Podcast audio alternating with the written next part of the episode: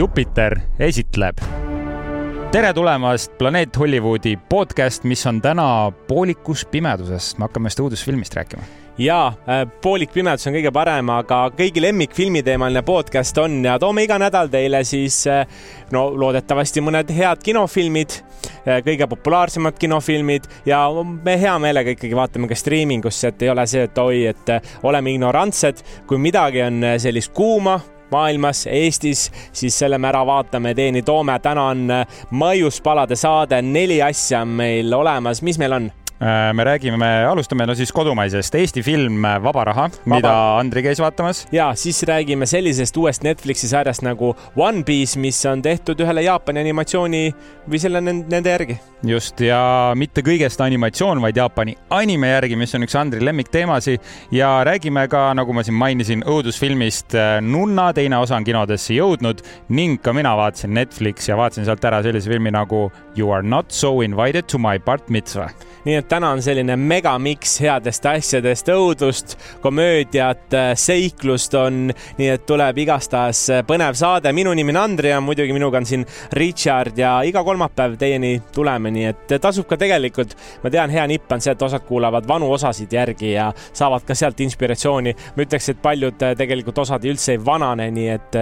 nagu ka oled, sina ja mina. nagu sina ja mina oleme vampiirid siin, saame inspiratsiooni filmidest ja sarjadest, aga aga lähme siit sujuvalt edasi üle, üle ühe sektsioonini, kes teab, see teab, aga enne sul on üks uudis. ja tahaks öelda ka seda, et meie loosime täna välja ühe väga laheda filmisärgi. no täna paneme loos ja Just. siis välja loosime järgmisel nädalal kolmapäeval Planeet Hollywoodi saates Nun kahe eriteemaline särk see on ja kus selle leiab?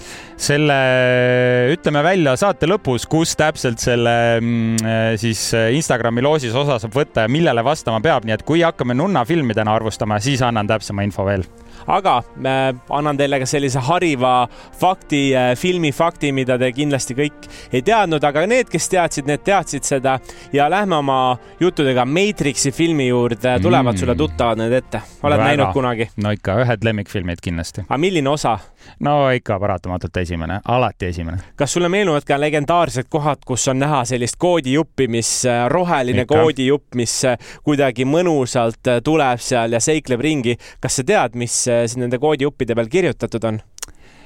Tead, äh, ma olen kunagi kuulnud, aga mul ei tule meelde praegu. see kõlab kuidagi tuttavalt. no kaks tuhat seitseteist avaldati siis äh, üks mees, kes töötas spetsiaalselt äh, Animal Logici firmas ja tegeles siis selle koha animeerimisega, on öelnud, et ta sai inspiratsiooni oma elukaaslase kokaraamatust, kus olid toodud välja erinevad sushi retseptid oh, wow. ja põhimõtteliselt, kui nüüd küsite, mis seal kirjas on, ei ole see suvaline keel, vaid seal ongi tegelikult erinevad sushi retseptid, nii et, nii et jah, natuke on võib-olla seal midagi muudetud, aga inspiratsioon on üldse kokaraamatust ja minu meelest väga lahe asi minu targutamine oli liiast, sest et seda uudist ma kindlasti ei mäletanud, aga ma olen kuulnud midagi varasemalt, et äh, see kood on, äh, no nendel filmitegijatel ka kuidagi varasemalt mingit muud pidi seotud olnud. aga keegi... noh, nii et Matrixit saab nüüd Sushiga vaadata väga mõnus. ja, kui keegi tahab järgi ise lugeda, uurida, siis Simon Whitley oli selle mehe nimi, kes selle lõi ja, ja oma naise pealt maha viksis, nii et head asjad juhtuvad köögis,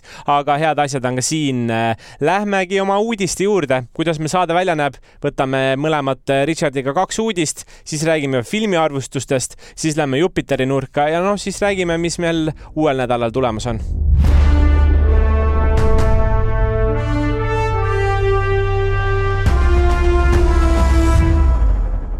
ja uudiseid on meil äh, neli tükki kokku ja Andri on tavaliselt meil otse lahti teinud, nii mis on esimene uudis? jah, esimene uudis, kuna me oleme kinos käimisest rääkinud, võib-olla ei ole ta sisuliselt nii tihe, et saate midagi väga uut teada, aga minu üllatuseks üks äh, Ameerika Ühendriikides elav mees tegi uue Guinessi rekordi, nimelt ta käis ühe aasta jooksul kinos mitu korda, seitsesada seitsekümmend seitse korda ja noh, päris äh, ropp andmine on, kui sa mõtled, et aastas on kolmsada kuuskümmend kakskümmend viis päeva, noh siis keskmiselt pidi ikkagi mees kaks korda päevas kinos käima.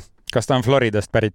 Ei ole, Pennsylvaniast on okay. pärit, aga, aga miks ta seda tegi, ikkagi teadvustada sellist äh, headust teha ja koguda raha siis äh, tegelikult äh, inimestele, kellel on vaimsed mentaalsed raskused. aga nüüd te küsite, et kas ta käis mõnda filmi ikka kaks korda vaatamas, no muidugi käis ja kas ta läks pankrotti sellega, ei läinud, sellepärast et kohalikus kinos oli selline kuupilet et kakskümmend kaks dollarit maksis, sellega sai käia nii palju, kui tahad ja muidugi ta kasutas selle ära. Ja ta otsustas, et ta, tema eesmärk oli selline kuusteist, seitseteist filmi nädalas äh, ära teha. Ja kui sa küsid, et mis oli film, mida ta kõige rohkem vaatas, siis ta vaatas sellist filmi nagu Puss in Boots, The Last Wish, seda ta vaatas nelikümmend seitse korda. issand jumal, ma ei tea, vau mul ei ole sõnu. siis äh, näiteks Super Mario filmi, mis sellel aastal välja tuli, vaatas ta kolmkümmend viis korda ja Thor Love and Thunder, seda vaatas ta kolmkümmend kolm korda, et lihtsalt jama on see, et äh, kui sa tahad käia kaks korda päevas kinos, siis lihtsalt filmid saavad otsa tõepoolest, äh, kui ma nüüd küsin sinult, mis selle aasta filmi, mis on juba välja tulnud, kui sa pead vaatama viiskümmend korda, mis sa valid? viiskümmend korda või hmm,? see on päris hea küsimus mm. -hmm. tead, pea on täiesti tühi, mis on olnud sellel aastal need head filmid üldse? ma arvan, kusjuures ma kades, ma nagu ette valmistamata, ma pakuks, ma vaataks äh, Scream kuute Scream kuud, see on päris hea pakkumine, ta on hästi selline mõnusalt äh, pehme ja, ja ta peab olema pehme? no ta peab olema midagi, mis on nagu väga lihtsalt vaadata, muidu on mm -hmm. väga raske, aga no ma ei tea, ma mõtlesin kohe selle Spider-man'i filmi peale, mis tuli, aga samas äkki see visuaal väsitab mind nagu lõpuks niimoodi ära. ma tean, et ma ei vaataks Renfieldi kindlasti, aga ma jään nüüd vastuse võlgu teile. no praegu jääd vastuse võlgu, tuleme võib-olla varsti tagasi, aga räägime natuke ka arvutimängu filmidest ja nendel on viimasel ajal hoog sisse läinud pärast Super Mariot. Ja sellisest mängust nagu Stray hakatakse mängufilmi tegema. Ja mängufilm Stray või tähendab arvutimäng Stray tegevus toimub siis kauges tulevikus, kus äh, kass seikleb ringi ning otsib vastust, et mis juhtus inimkonnaga ning mis juhtus tema minevikus. tema seljas on äh, ai abiline B kaksteist, kes aitab teda sellel teekonnal, see on niisugune nagu seljakotis uh mhm. -huh. olev robot ja selle, see maailm, kus siis tegevus toimub, ongi ainult androidide käes ja kõik inimesed on välja surnud. ehk ainsad kaaslased sellele kassile on tehisintellektid ja väga sellised inimmoodi olevad äh, robotid. Väga äge mäng on, ma olen seda ise natuke mänginud, ma arvan, et sina, Andri, kes sa oled suur Mina kasside fänn, sa oled kassifänn, ma tean, eks ole. ma olen ja... videosi Youtube'ist vaadanud, lihtsalt äh, sa saad, ma näitasin elukaaslasele ka, ütlesin, vaata, et siin kass paneb ringi, et sa peaks seda mängima, aga see on üllatavalt kuidagi saanud nagu meelelahutuslikuks, et võiks arvata, et ma ei viitsi vaadata, kuidas kass hulgub ringi ja sa pead selle kassiga tegelema, aga vastupidi, see lihtsus, minimalism ja see, et tegelikult sa saad ka mingeid interaktsioone seal teha, väga lahe. ja just äh, on pandud sisse sellisele kassi kassile iseloomulikke asju, näiteks kui sa oled kuskil äh, maja serva peal, siis sa saad kassiga lükata lihtsalt lillepotte ümber saad lihtsalt nagu ikka kassidel meeldib midagi lõhkuda. mõtle, tahad töölt äh, koju minna, siis äh, su toanaaber küsib, et kus sa lähed nii vara. kuule, ma lähen mängin seda kassimängu, mul on vaja nagu potti ümber lükata, see on päris lahe minu meelest. no see tegelikult, ütleme, mäng ise ei ole pottide ümberlükkamine, need on niisugused väiksed lahedad ei, no sa nagu saad teha, et sul oleks lõbusam, et äh, kassid ongi alati seikluslikud ja teevad, mis tahavad tõsi ja nii on. Ja siin mängus ka tegemist on niisuguse detektiivilooga ja sa avastadki seda maailma seal, et seal ei ole mingit suurt märulit, selles mängus ei ole vaja oskust, et see on rohkem selline loo läbimängimine. Ja sellepärast hakatakse seda ka filmiks tegema, et äh, mainisin siin Super Mariot äh,, mis siin varasemalt äh,, no läbi on ka paljud arvutimängufilmid kukkunud, tean, et Assassin's Creed, mis Oi, oli suur asi, mis pidi tulema, kukkus läbi, eks ole, no tegelikult Pokemoni see Pikachu no, see oli okei okay,, aga, oli... aga jällegi mitte nii võib-olla hea, et noh, täna me räägime sellest One Piece'ist ja seal on ka see mm -hmm. anime ja siis filmimaailm, see on nagu videomängu ja filmimaailm, et need üleminekud on hästi rasked, et see on kindlasti meil üks teema täna äh, räägime ja, ja juba ütlen ette ära, et siis te, te, teadki, et see kuidagi tuleb ka videomängudel hästi üle, see temaatika. kusjuures film, millele ma hakkasin praegu mõtlema, mida võiks visuaalselt kasutada selle Stray filmi tegemiseks. Äh, vaata, me rääkisime siin mõni nädal tagasi niisugusest filmist, mis tuleb oktoobris nagu The Creator, mis räägib sellest ai-st ja siis äh, kuidas ka robotid on maailma üle võtmas. et kujutan ette, et selline visuaal ja siis kass kuidagi sinna filmi panna ja lavastajaks ka näiteks Neil Blomkamp anda, ma arvan, ma arvan, et see võiks midagi väga ägedat tulla ma olen nõus, ootan, tahan näha, andke mulle kassidest filme ja värke, et neid koerafilme on juba piisavalt olnud. kusjuures koerafilm Strays on praegu kinos, mis on nagu ja. suhteliselt eksitav. irooniline ja eksitav, eks ole, et see, see siis tuleb ainsuses, Stray nii, aga järgmisena võtsin ühe väga raske teema, raske on sellepärast, et sellest on räägitud. ma avastasin ennast täna sellest hetkest, ma olin ülisegaduses. ma mõtlesin, et kaua see toimub, mis toimub, mis on juhtunud ja ma muidugi räägin kirjutajate streigist ja hmm. ma mõtlesin, ma teen lihtsalt enda jaoks äh, kokkuvõtte, te saate ka kuulata, kaua see kestnud on, sada kolmkümmend päeva juba, see on läinud niivõrd palju pikemaks, äh, kui oleks nüüd arvatud ja kui te nüüd küsite, et kuhu me nüüd jõudnud saja kolmekümne päevaga oleme, lühike vastus on mitte väga kaugele, aga pikem vastus on võib-olla midagi, mis üllatab, vähemalt mind üllatas ja see võib olla täiesti mängumuutja, nimelt siis äh, organisatsioon, kes esindab näitlejaid ja kirjanikke, on äh, siis äh, selle nii-öelda teise poole, sellel on hästi pikk ingliskeelne nimi. jah, täpselt, tal on mhm. hästi äh, pikk nimi, aga ütleme lihtsalt ära, et ta esindab siis äh, nii-öelda ettevõtteid ja nüüd tehti pakkumine, seesama see amt, mis mhm. iganes mm, -hmm. ütles, et aga teate, tõstame need eraldi, striimingut Teie läbi rääkige ise, aga televisioon ja see pool on täiesti eraldi. ehk siis praegune ettepanek on, kui praegu nii-öelda ettevõtjad esindab üks ametiühing, siis eesmärk oleks see, et Disney, räägi ise oma lepingutingimused läbi, Netflix, räägi ise läbi, televisioon tahab äh, nagu edasi minna, siis mul on, ma ise olen selle peale mõelnudki, aga suured käärid ongi selle vahel, et osapooli on nii palju. isegi kui televisiooni pool on näiteks nõus tingimustega, siis Netflix võib öelda, et ei ole nõus, et, et tegelikult tegelikult, et striimingud võib-olla pannakse niimoodi, et nii, nii selles mõttes, et teles näeb asju edasi, aga striimingutes võib asi hapuks minna ja see oli minu jaoks üllatus. jah, ja see paneb ka kohe mind mõtlema, et mis võib juhtuda siis, kui näiteks Disneyl on mingi oma eraldi lepingud või noh, tähendab, neil kindlasti ongi, aga need stuudiod muutub oma, nende stuudiote jõudude tasakaal võib veel rohkem muutuda tänu sellele. võib ja ma nüüd vaatasin korra selle nimega üle, see on inglise keeles Alliance of Motion Picture and Television Pro, uh, Producers ehk siis seal on tegelikult ongi kõik uh, all, nii et uh, jõudude tasakaal võib muutuda ja see maailm üldse ootab igasuguseid muutusi ees. ma vist ei hakka lugema, mis sarjad on edasi lükatud, sest sellest oleme, sellest oleme rääkinud ja see on nii segane, et no, pole mõtet. see on kurb tegelikult kõige rohkem meile kui filmifännidele ja sarjafännidele fännidele, see on just kurb. see on kurb ja vaatame, mis sügisel saab, aga just tahtsingi teile sellise väikse ülevaate teha, sest mina olin segaduses, ma mõtlesin, äkki on juba vahepeal midagi toimunud. me pole enam kuulnud, vähemalt Eesti meedia enam niimoodi ei kajasta ka, algus oli, et toimub see ja see ja, ja seda kolmkümmend päeva. no keegi oleks arvanud, et see nii kaua on, ma arvan, et see läheb veel seda kolmkümmend päeva. arvatakse jah, et see võib järgmise aasta alguses näiteks läbi saada, täpselt ei teata, aga noh, meie siin räägime, eks ole, filmidest, nendest, mis välja tulevad ikka, me räägime nendest näitlejatest.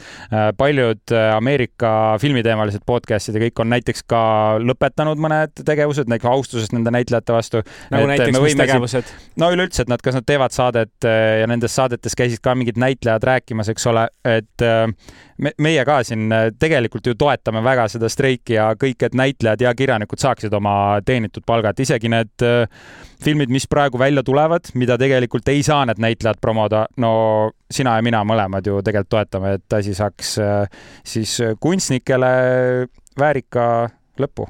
kuule, aga räägi sellest Samuel L. Jacksonist, mis äh, see mees teeb?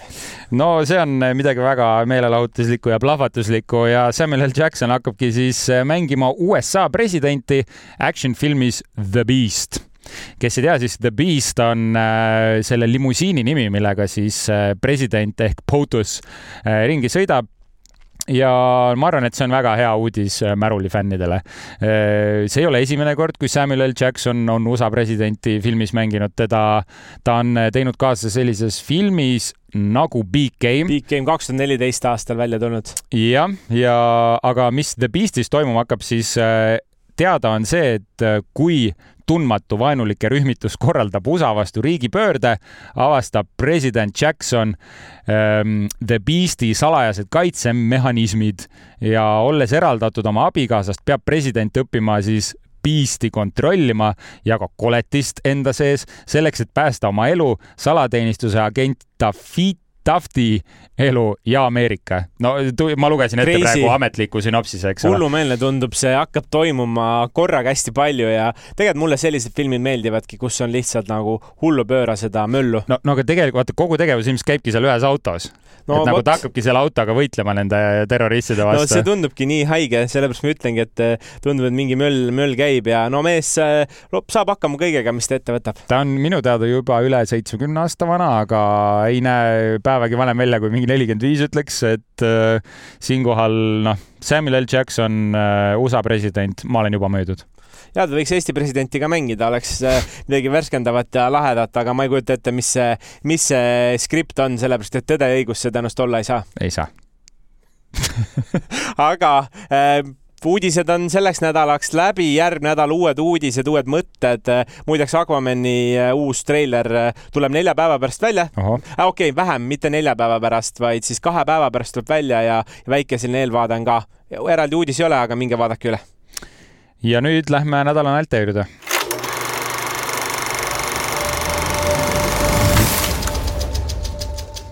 ja sellel nädalal on nädala naelasid lausa neli tükki ja lähme kohe siia Eestimaale, sellepärast et on välja tulnud selline film nagu Vaba raha. ja peaks olema ükssarviku tegijatelt siis ja taaskord jälle teemaks raha, krüpto ja tead, ma pean mainima, et ma ei teagi rohkem, mis seal filmis toimus, sest aga... mina ei ole seda filmi näinud, aga ma tean, et Andri on. aga see on, ma arvan, väga hästi kokku võetud. olgu siis öeldud, tegu on komöödiafilmiga, et kui keegi läheb sellist draamat otsima, ma arvan, et see komöödia sõna on väga oluline, sellepärast et seal juhtub äh, palju naljakaid asju. no peaosas äh, Märt Pius, Ivo Uukkivi, Ivo Uukkivi mängib seal pankurit, äh, väga minu arust naljakas. Steffi Pähn ja seal on ka teisi näitlejaid, üks noormees teeb väga hea rolli, kui ta vanaema pensionit üritab äh, krüptosse investeerida, et minu meelest äh, väga lõbus, aga millest see lugu räägib, siis lugu räägibki rahast ja sellest, et seda ei ole kunagi liiga palju.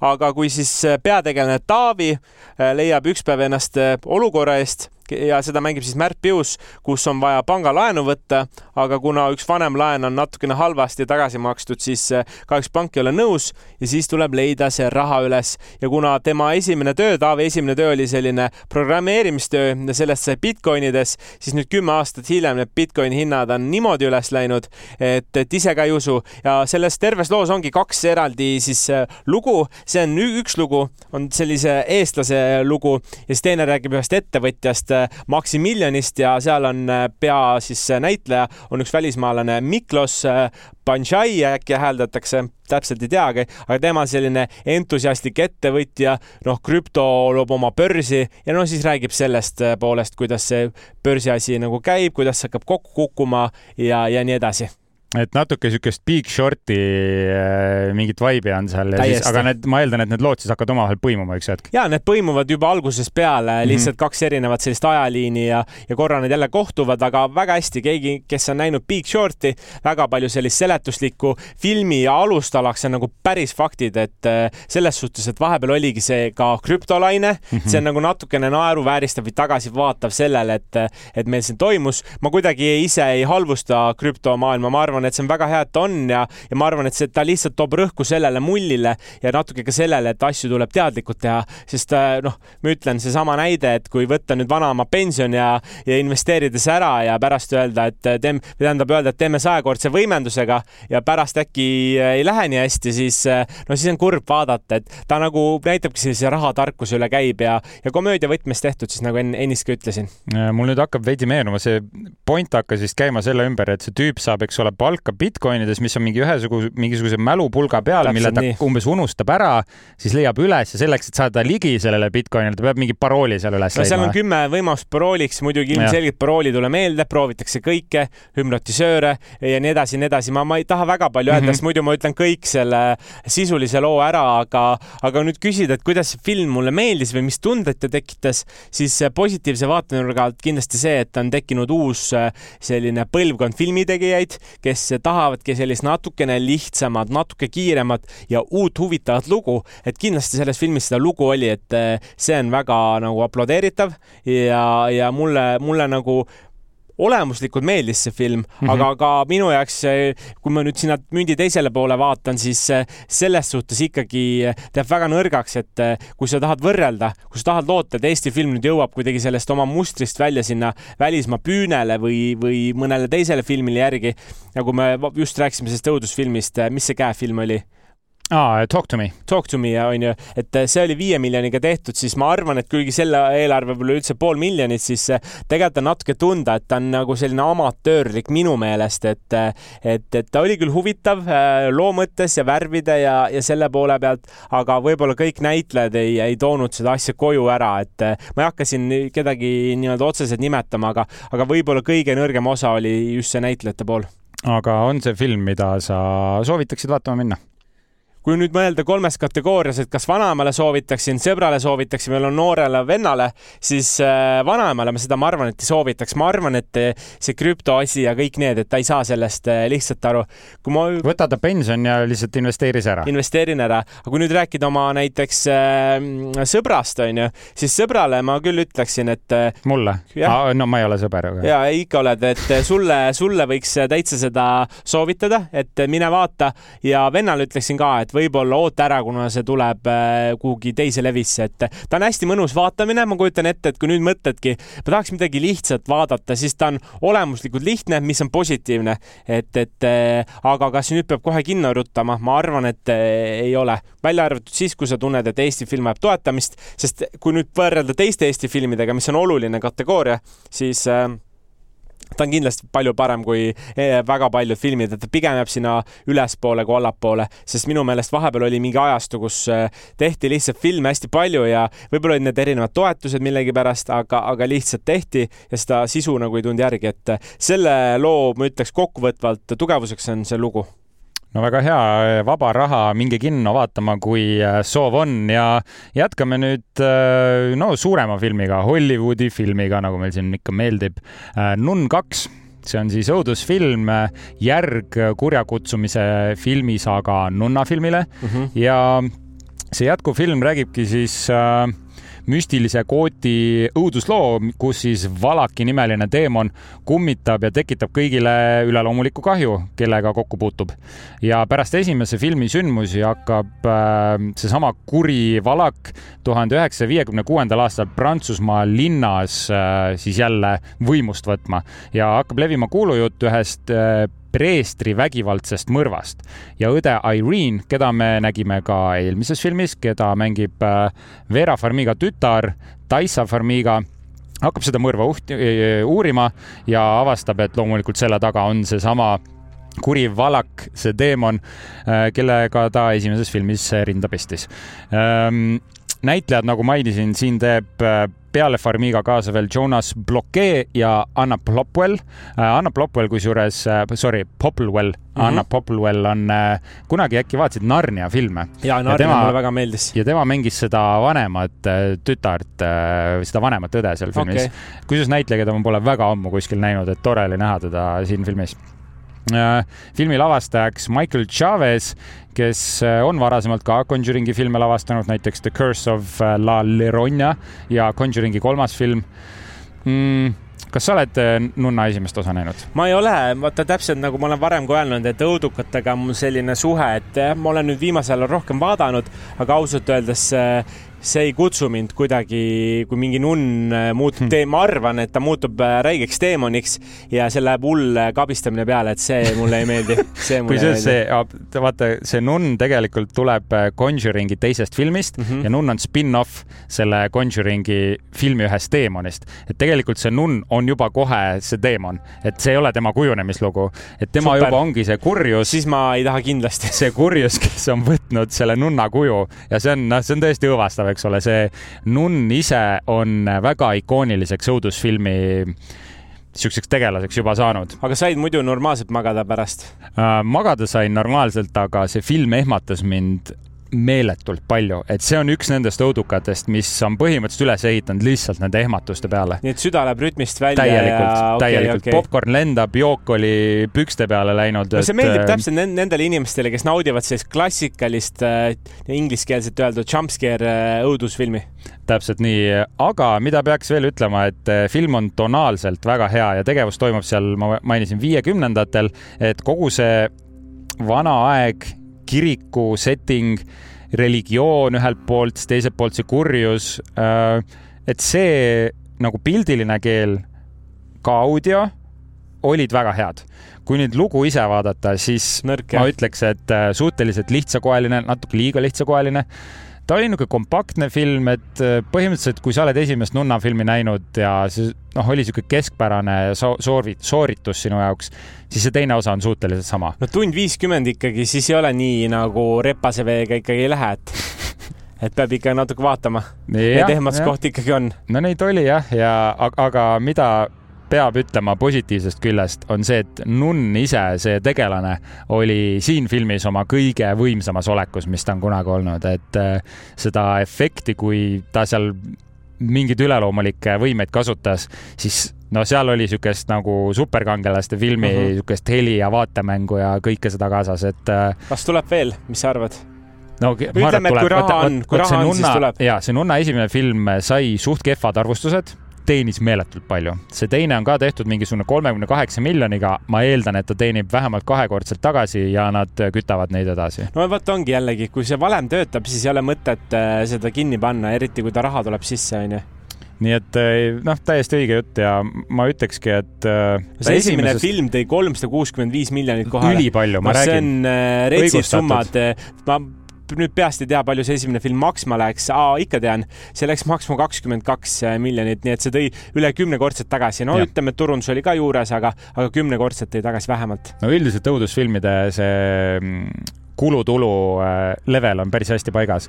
ja kui ma, kui sa nüüd küsid mult, kellele ma seda filmi soovitaks, ma soovitaks seda lihtsalt nendele närvikõdi jahtijatele ja, ja neile, kes võib-olla ei taha mingit väga sisukat filmi, sest no Conjuring'i filmid on suhteliselt niisugune puutumatu ikkagi eh, nende spin-offide kõrval, et see Nun kindlasti ei küündi eh, Conjuring'i filmide tasemele. no ma vaatan, et eh, juba see teine film, mis nüüd alles kinodesse tuli, on oma raha tagasi juba teeninud, et ta läks maksma kolmkümmend kaks miljonit mm -hmm. pluss turundus, aga kaheksakümmend viis on juba teeninud, nii et noh, nagu sa ütlesid, võib julgelt oodata, et neid toodetakse edasi ja Taissa Farmiga, keda ma mainisin, kes on siis Vera Farmiga tütar, äh, tegi väga hea rolli ja tal on üks siukseid nägusid, et sa tead, et äh, see inimene saab õudusfilmis väga hästi hakkama. tead, mõnedel näitlejatel on sihuke nägu mm, -hmm. et mhm. tema see hirmunud nägu toimib jube hästi ja see, see oli siin filmis väga hästi paigas aga selleks, et võita endale üks eksklusiivne auhind, nunna särk on meil äh, sellel nädalal algamas äh, loosimäng. kus kohas see on? Äh, selle leiab üles jupiter.err.ee Instagrami kontolt ja seal tulebki vastata sellisele lihtsale küsimusele, mis on sinu kõige lemmikum õudusfilm läbi aegade? ah, see on päris hea, saab, saab natuke mõelda, nii et isegi kui need, kellel üldse ei ole midagi, äkki ikka meeldib, et on selliseid nii-öelda piiri, piiripealseid juhtumeid, kus on nagu õudne, on põnev ja siis see on nagu täiega lahe ja see särk ka, mis äh, loosi läheb, on, äh, tead, mulle meeldib, kui äh, seda filmi niisugust pusad ja särgid tehakse mitte liiga suure pildiga, vaid niisugune nagu ta on piisavalt, ta on nagu must ja särk. suurt nunna ei ole seal peal. nunna ei ole, aga, aga see logo ja see temaatika on väga hästi seal peal, et see on niisugune tõelise nagu filmifänni no, spets nice., spets gear, kutsume seda siis nii. ja võtke jah osa ja järgmise nädala podcast'is, järgmise nädala podcast'i episoodi siis äh, kuulutame välja võitja ja siis saate juba edasist instruktsiooni, kuidas äh, selle auhinna kätte saab. Ja juba etteruttavalt võin mainida ka seda, et ka oktoobris tuleb meil üks väga lahe auhinnaloos. Ja nüüd saame lõbusamatel teemadel edasi minna, sellepärast et äh, Netflixi on tulnud selline sari nagu One Piece ja vaatasin ka, et oli praegu number üks ja see on natukene märgiline, sellepärast et tegelikult on see adapteeritud siis äh, Jaapani animatsioonist nimega mm -hmm. One Piece ja mitte ainult äh, animatsioon, vaid ka tegelikult äh, samanimeline siis mangasari, mis saigi aastal üheksakümmend seitse alguse ja mis on kasvanud, ma ütleks, üheks suure, suurimaks. on kolm sellist suurimat Jaapani animatsioonisarja, selleks ongi One Piece, Bleach ja siis on Naruto, et need kolm on sellised alustalad. kindlasti nüüd keegi ei vaidle minuga vastu, et üks on suur, on veel kuskil, aga tegelikult need on sellised suured asjad ja Netflix on natukene olnud eh, võib-olla selline tagasihoidlik, sellepärast et väga tihti adaptatsioonid, eh, kui on võetud kas siis näiteks arvutimäng või siis mõni animatsioon, siis need on ikkagi ebaõnnestunud ja, ja ei ole nii palju raha teeninud ja sellepärast oldigi hästi ettevaatlik ja nüüd võeti selline suur tükk ja ma korra räägin, millest see sari räägib ja siis saame oma diskussiooniga siit eh, edasi minna. aga tegu on eepilise piraadiseiklussarjaga, kus üheks eh, peategelaseks peategelaseks on Monkey D. Luffy ja teda mängib siis Inaki Godoy. võin juba ära öelda, et enamus näitlejad tegelikult ei tea neid, sellepärast et eh, noored näitlejad on pigem tundmatud, aga mängivad väga hästi ja tema kogubki siis eh, nii-öelda enda meeskonda, erinevaid siis piraate. kogu asi toimubki sellises eh, paralleeluniversumis, eh, kus on piraadid on nagu auasi või mm., või selline väga suur võitlus on piraatide ja siis seal on ingliskeelne sõna marines või siis mereväelaste vahel. noh, mereväelased näevad rohkem sellised nagu Kariibi mere piraatide stiilis, et ta on hästi nagu meenutab sellist Kariibi mere piraate, aga Monkey D. Luffy siis äh, proovibki alguses enda meeskonda saada erinevaid äh, siis äh, kogenuid inimesi, saab ta siis seal kohe alguses mõõgamees Rorona Zorroga kokku ja seal on veel teisi tegelasi, ma ei hakka neid kõiki ette lugema, sest tegelikult loo mõttes see oli oluline, aga pigem on oluline see peategelane Luffy, kes siis kõige sarja alguses sööb ära sellise asja nagu Devil Fruity ehk siis kuradi puuvilja ja see annab talle mõnes mõttes erivõimeid ja see on väga haruldane selline puu puuvili ja konkreetsele tegelasele annab sellise kummist naha. ehk siis, kui me oleme näinud äh, fantastilist nelikut, äh, seal on üks peategelane, kes venib hästi mm -hmm. pikalt, siis äh, tegelikult Luffy'l on sama, et ta, et ta venib hästi, väga hästi venib, mis annab talle ka nii-öelda mõnes mõttes, no mitte surematuse, aga kui keegi laseb teda, siis kuul saab sealt juba tagasi põrgata ja nii edasi, nii et ta on võib-olla keskmisest tugevam ja sellisem optimistlikum ja kas selle nagu, miks ta seda meeskonda kokku ajab, kas nad siis ajavadki taga neid veel neid äh, vilju, et saada nagu rohkem võimeid või mis selle crew siis nagu mõte on seal? see on väga õige küsimus. Luffy unistab saada piraatide kuningaks ja leida kurikuulsa piraadi uh, Cold Rogeri salapärane aare One Piece ehk see mm. pealkiri ka One Piece uh, justkui ja see muideks see sari hakkab ka sellega, et ta kohe seletab selle asja ära, aga jah, One Piece on selline aare, aga mis see tegelikult on, ma ei tea ja ma ei saakski teile öelda, sest ma rikun rikuks selle kogu asja ära.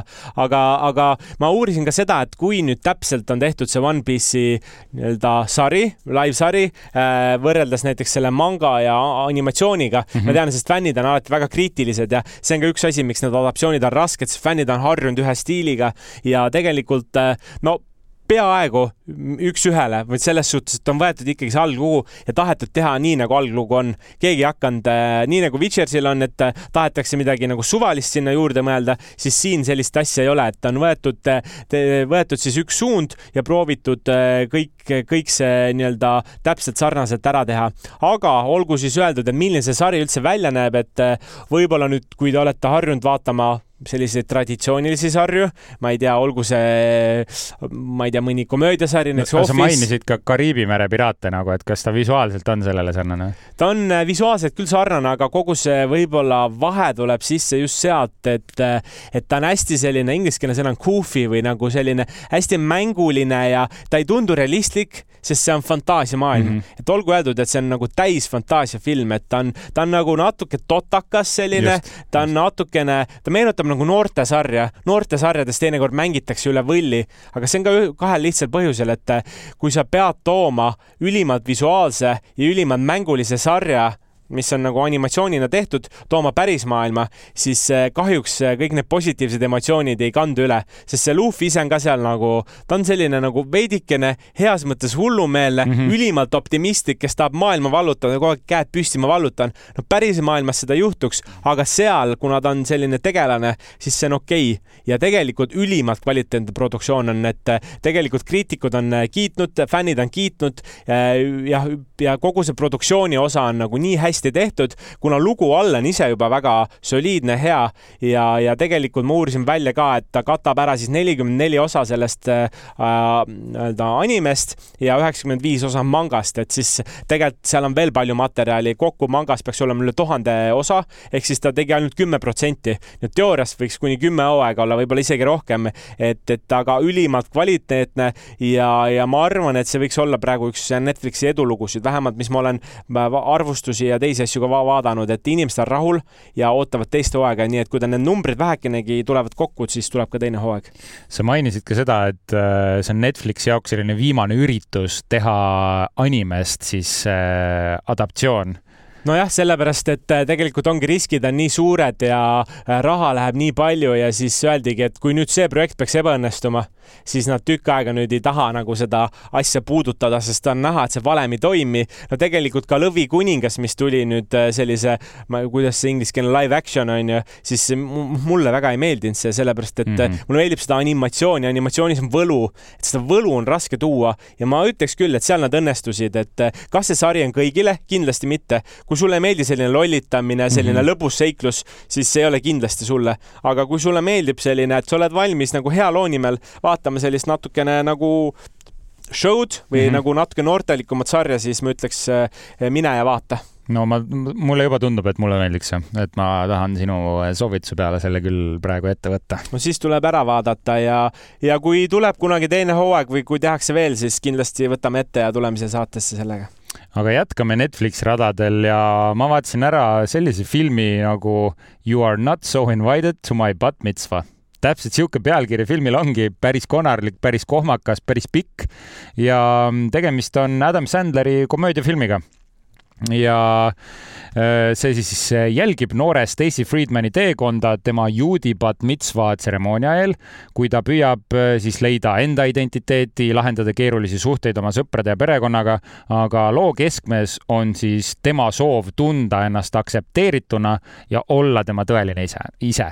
noh, suhteliselt selline noore coming of age filmi nagu sünopsis ja tema katsetused siis leida see tasakaal oma kultuurilise pärandi ja isikliku arengu vahel ei ole kuigi edukad ning tal õnnestub minna tülli oma parima sõbrannaga, no loomulikult ühe poisi pärast.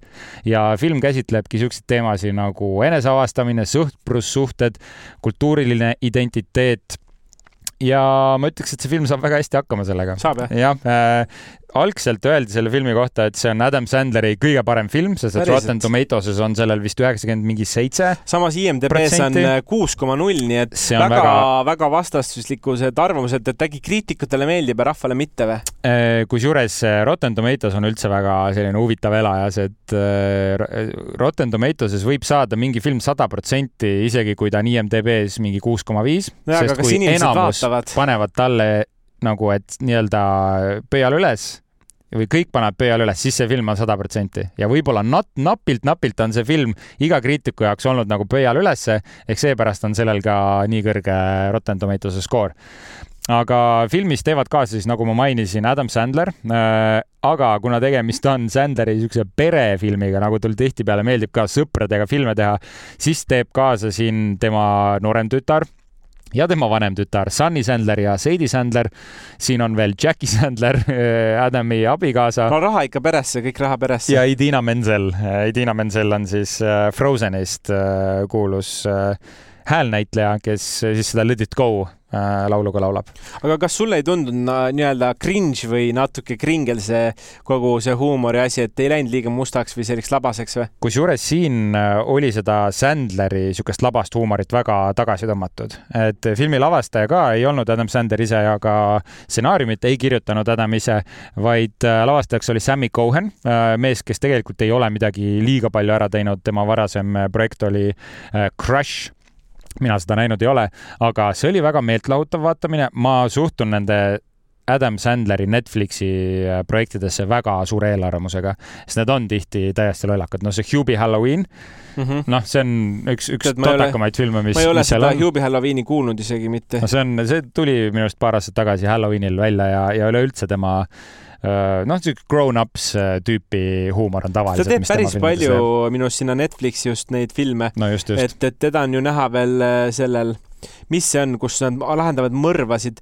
mõrvamüsteerium ongi eestikeelne Murder nimi. Mystery, aga ja. see on ka suhteliselt sihuke väga lihtne meelelahutus. jaa, aga noh, ta ongi täpselt selline, et eh, võib-olla kino ja selle Netflixi filmide vahe on see, et kinos tehakse ikkagi, proovitakse suurejoonelist teha, siis Netflixis natuke minnakse kuidagi maandatumalt ja minu arust see mõrvamüsteerium oli ka maandatum variant. et kas sa ütled, et see film oli nüüd samamoodi, et ta oli pigem komöödiafilm, aga nagu maandatud versioon või oli seal sellist sinemaatilisust ka või?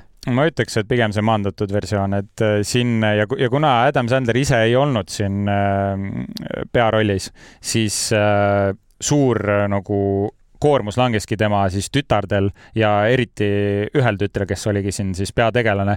Ja no ta sai väga hästi sellega hakkama, et äh, minu arust ta ei ole varasemalt kuskil mänginud. Ähm, ma ütleks, et tal on tulevikku. Ja üldse väga hästi avati seda noorte hingeelu selles filmis, et äh, mina kui kolmekümne kolme aastane mees äh, olin väga investeeritud selles loos, et ei olnud niisugust tunnet, et ma vaatan, ah, see on mingi laste või noortefilm, mida ma nüüd vaatan. Ja see oli ka Netflixi, ma ei tea, kas ta nüüd sellel või eelmisel nädalal oli number üks enim vaadatud film ja täiesti põhjusega, et äh, ta ei ole kindlasti selline, et mida nüüd peate minema kohe ära vaatama, sest muidu saate mingeid spoilereid. sobib väga hästi sellisesse reedeõhtusesse äh, ajavööndisse, et ähm, jah, et see film nagu ei võta nüüd ette mingisuguseid liiga suuri riske, aga need siirad momendid, see pereelu ja see sõprussuhe, mis seal äh, peategelasel on, need on äh, selle eduloo nagu võtmeks ma pean kurvastama sind, aga tõenäoliselt mina ei, äh, mul jääb see film vaatamata praegu. et kui mul tekib reede õhtuse aeg, siis tundub lahe, aga ma võib-olla ootan ka nagu komöödiafilmidelt sellist nagu midagi rohkemat, midagi, mis nad annaks lisaks, nii et. no vot, siin on, siin on ka veidi see, et see film päris hästi harib juudi religiooni ja kultuuri Aa. teemal, et noh, miks ka pealkiri You are not so invited to my bat mitzvah ja ta teeb väga osavalt nalja ka selle üle, mitte pilavas võtmes, sest Adam Sandler ise on, eks ole, juudi päritolu ja, ja väga tugevalt siis minu teada religioosne. et äh, aga siin osatakse nagu pookida nalja mm. nende asjade kallal ah,. Okay. ja seal on üks sihuke läbiv teema ka, et nagu hästi paljude laste see bat mitzva, ma ei tea, kas sa üldse tead, mis bat mitzva on? Äh, no ma ei tea, see on selline suureks saamispidu vist, kuusteist, äh, kui nad on, et siis tähistavad, kõik tulevad kokku ja. ja seal on üks sihuke läbiv nali, kuidas kõikide nende tiinekate peol on alati mingisugune keskealine mees, kes on DJ mm ja kes on nagu kõik lapsed ja täiskasvanud nagu fännavad teda, ta on nagu mingisugune kohalik kuulsus, aga tegelikult on nii jabur vend ja Adam Sandler ei saa ka aru, miks te, miks te fännate seda venda ja ta iga kord mingi näpud püsti karjub seal, kõik äh, karjuvad kaasa. et äh, sihukest nagu naljakat pilavat huumorit siin on, aga ta ei lähe kordagi sihukest jalaga tagumikku stiiliks no selge värk, aga selleks nädalaks päris korralik andmine oli neli, neli filmisoovitust ja proovisimegi, osad on märku ka andnud, et natuke võiks rohkem olla eri, erinevat sisu ja me mõtlesimegi, et proovime mõlemad, pingutame selle nimel, et vaatame küll natuke erinevaid asju, aga et need asju teieni tuua. räägime vahepeal ka Jupiteri soovitustest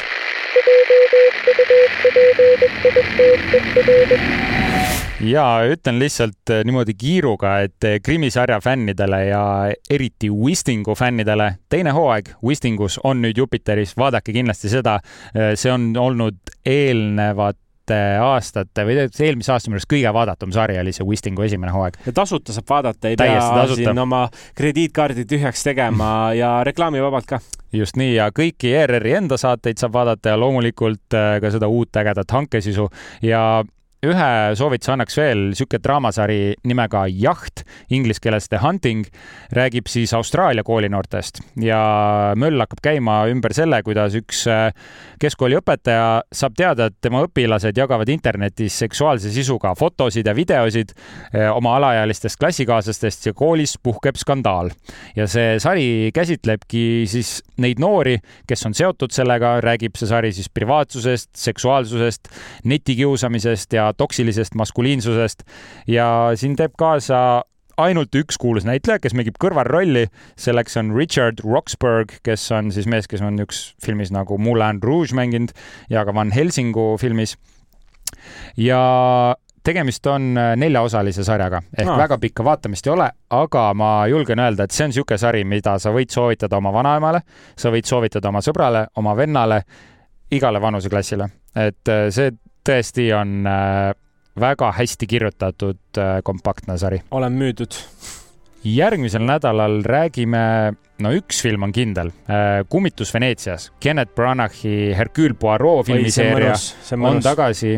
Äh, kusjuures see on ka selline filmiseeria, mis läheb nii noorematele kui vanematele peale, et iga vanus. eelmine film oli see mingi Niiluse ja, teema, Karga Tott oli peaosas, selline päris okei okay vaatamine, ma natukene nüüd ootan rohkem ja, ja loodetavasti tuleb midagi head. teine film, mida me mõtlesime, mida mul taksojuht soovitas siin paar päeva tagasi.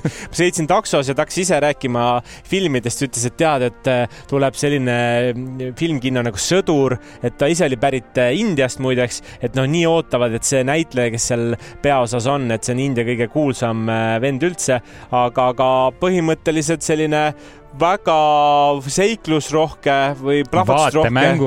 jah, et. üle võlli. et me mõtlesime, et see oleks midagi võib-olla uut ja huvitavat, aga me natukene veel omavahel põrgatame, sest mul oli ka mõte paar soovitust anda ja, et võib-olla lähme striimingusse, aga ma julgen öelda, et mina võin seda Sõdurit vaatama minna, nii et äh, võtame need kaks, äh, Kummitus Veneetsias ja Sõdur ja siis vaatame, piki, pikime midagi juurde siia ka veel ja mm, siis juba ootamegi teid järgmisel kolmapäeval äh, või ka mõnel teisel päeval, ma tean, mõnel meeldib meid reedeti kuulata. nii et suur aitäh, et olete meiega olnud, ma teen siukse iganädalase väikse shout out'i ka jälle, kes meid kuulanud on. ma tean, et Kristo, suur aitäh sulle. Mirel Mirel ja Epp, äh, aitäh, et kuulate meid ja äh, võtke loosimängust osa kindlasti ja, ja just. kuulame üksteisega juba kolmapäeval. tšau